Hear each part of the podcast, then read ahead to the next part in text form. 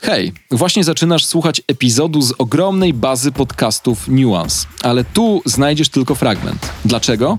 Bo całość jest dostępna wyłącznie dla członków Nuance Clubu, czyli miejsca, w którym znajdziesz tysiące podcastów, artykułów i materiałów wideo. Opisujemy w nich kulturę, społeczeństwo, technologię, sport, słowem wszystko, co może Cię zainteresować. Wejdź na Nuance Club i dołącz do klubu zorientowanych. Nuance Radio. Nuance Radio.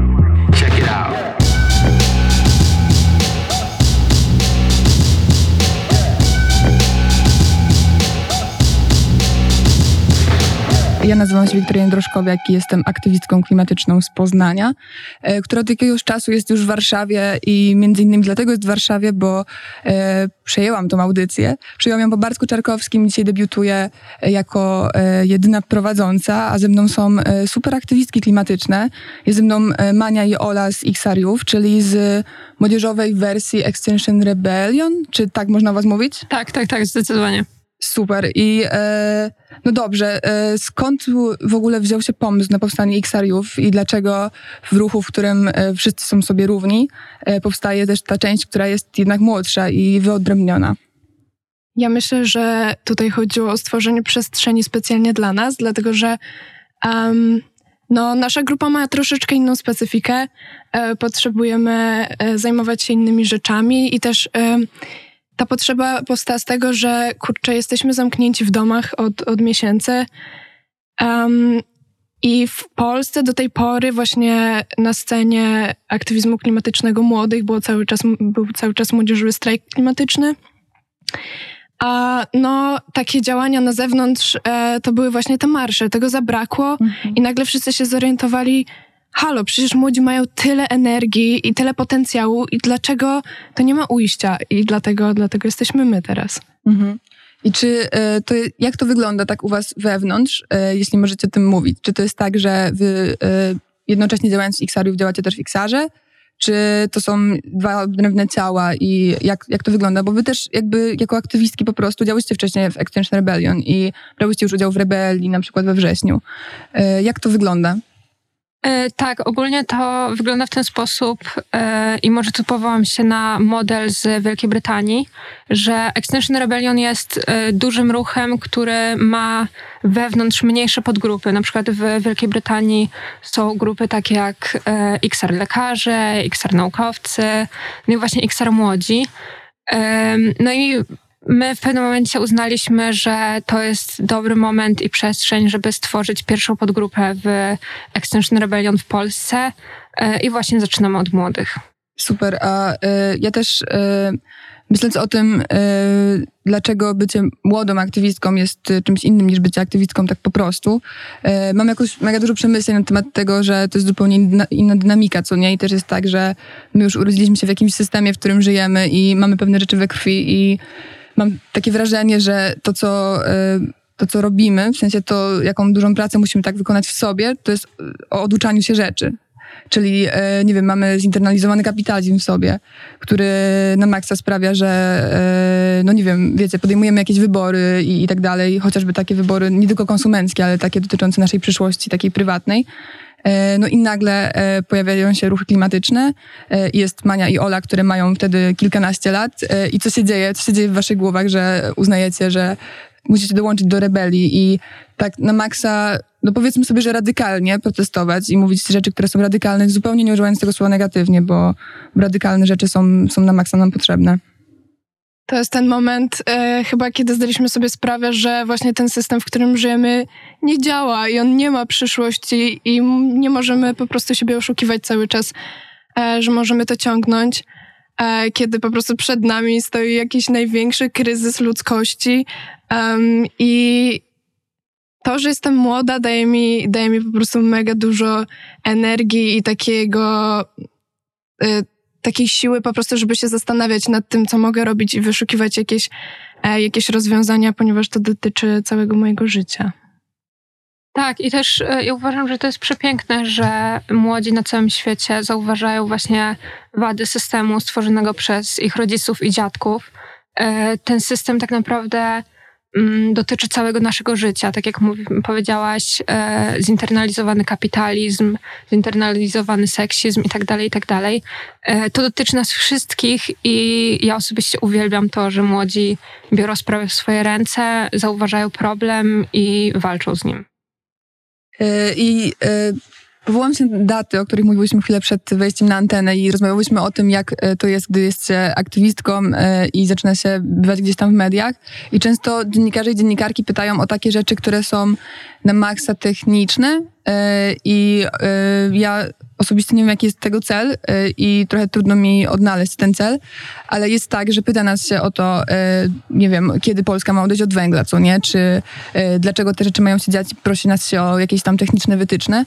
I waszym takim benchmarkową, taką benchmarkową datą jest 2025 rok.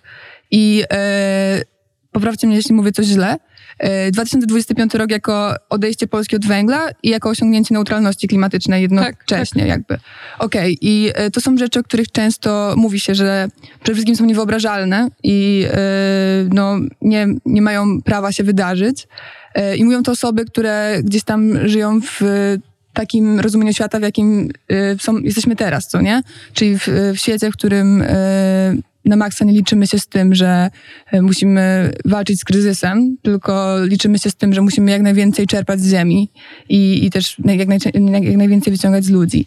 I jak to jest z tym 2025 rokiem? Czy dla was to jest e, tak zupełnie odległe? No właśnie najgorsze jest to, że to w ogóle nie jest odległe, bo to jest już zaraz. E, zresztą 2025 rok to jest chyba najbardziej radykalny postulat wśród mhm. ruchów klimatycznych. Co z jednej strony jest piękne, bo rzeczywiście to jest moment, kiedy dobrze by było już osiągnąć neutralność klimatyczną, ale obawiam się, że niestety to nie wyjdzie, że w Polsce to nie wyjdzie, tym bardziej jeśli wszystko dzieje się w takim tempie, a mamy coraz mniej czasu. Mhm. No, Roger Hallam, który jest jednym z założycieli um, właśnie Extinction Rebellion w Wielkiej Brytanii, um, często podaje przykład, że z, tym, z tą katastrofą klimatyczną jest tak jak z diagnozą raka. Kiedy człowiek dowiaduje się, że ma raka, ma dwie opcje. Albo żyć dalej tak, jak żył i wtedy ma pewną perspektywę śmierci przed sobą, lub podejmie jakieś działania, i dalej wie, że może umrzeć, ale równocześnie ma świadomość, że coś zrobił. E, I to jest to, co my robimy. My mamy perspektywę katastrofy, my mamy perspektywę śmierci przed sobą, więc wiemy, że musimy się ruszyć. I ten 2025, ja wiem, że to brzmi nierealnie. I dla większości z nas brzmi nierealnie, ale równocześnie ja wierzę w to, że to się może wydarzyć, ponieważ Tutaj chodzi o zmiany systemowe, a system budują ludzie. Ja wiem, że ten system brzmi tak enigmatycznie i nie wiadomo w ogóle, co z tym zrobić, ale to naprawdę jest tak, że to, to chodzi o działania ludzi. A co do tego, jak dziennikarze i dziennikarki pytają się nas o jakieś takie e, naukowe, naukowe kwestie i wypytują statystyki, my nie jesteśmy ekspertkami, my nie, jesteś, my nie jesteśmy naukowczyniami i trzeba sobie zdać sprawę, że my jesteśmy tutaj po to, żeby wstać i krzyczeć: hej, słuchajcie głosu nauki, um, a nie udajecie, że problemu nie ma. Tak, na maksa ważne, co powiedziałaś i ja też y, bardzo dla mnie ważnym jest podkreślanie tego, jak bardzo nieekspercką osobą jestem w tym, y, w tym co robię, y, ale też y, obserwuję coś takiego, co wydaje mi się, że w sensie to, dlaczego politycy od, odrzucają e, działania dla klimatu, e, nie jest dla mnie tak proste, jak było dla mnie, nie wiem, półtora roku temu, kiedy myślałam, że to jest po prostu kwestia tego, że coś jest dla nich nierentowne, czy coś tam. I teraz mam tak, że myślę sobie o tym, w jaki sposób ci ludzie myślą o tworzeniu polityk po prostu i jak myślą o y, takim tworzeniu polityk, który jest na maksa y, osadzone w tym, co, czego oni się dowiedzieli przez całe swoje życie i y, w co oni wierzą i co ich doprowadziło do miejsca, w którym są. A jeśli są politykami, no to wiadomo, odnieśli jakiś sukces w ich rozumieniu. I jak to jest, że wy nagle wchodzicie i zrywacie to wszystko i mówicie dobra, do, do tego momentu, do nie wiem, 16 roku życia byłam wychowywana w ten sposób żyłam w ten sposób, ale teraz wiem, że trzeba powiedzieć temu stop i trzeba żyć inaczej i też robicie to jakby w ramach swoich wewnętrznych struktur, bo wy też przestajecie żyć, w, w sensie przestajecie podejmować decyzje w jakiś sposób, który jest hierarchiczny. Jesteście na maksa poziomą, poziomym ruchem, który jest bardzo demokratyczny i też ja obserwując gdzieś tam z boku zawsze, ale jednak działania XR-u, e, zawsze na maksa fascynowało mnie to, jak bardzo wy przykładacie e, uwagę do tego czasu regeneracji, kiedy robicie jakąś akcję. E, nie wiadomo, jakby bez względu na to, czy ona jest ogromną akcją w wielu miastach w Polsce, czy jest czymś, co wydaje się relatywnie małe, na maksa dużą wagę przykładacie do regeneracji. I jak to jest? Czemu to jest takie ważne? E, Extinction Rebellion jest dobrym przykładem właśnie takiego innego, lepszego świata. I kultura regeneracji jest moim zdaniem mm, jednym z najpiękniejszych elementów w ogóle tego ruchu. Dzięki za wysłuchanie bezpłatnej części tego podcastu. Jeśli masz ochotę na więcej, dołącz do Nuance Clubu, klubu zorientowanych i spędzaj mniej czasu na słuchaniu takich komunikatów, a więcej na słuchaniu całych podcastów. Sprawdź, co dla Ciebie przygotowaliśmy i rób razem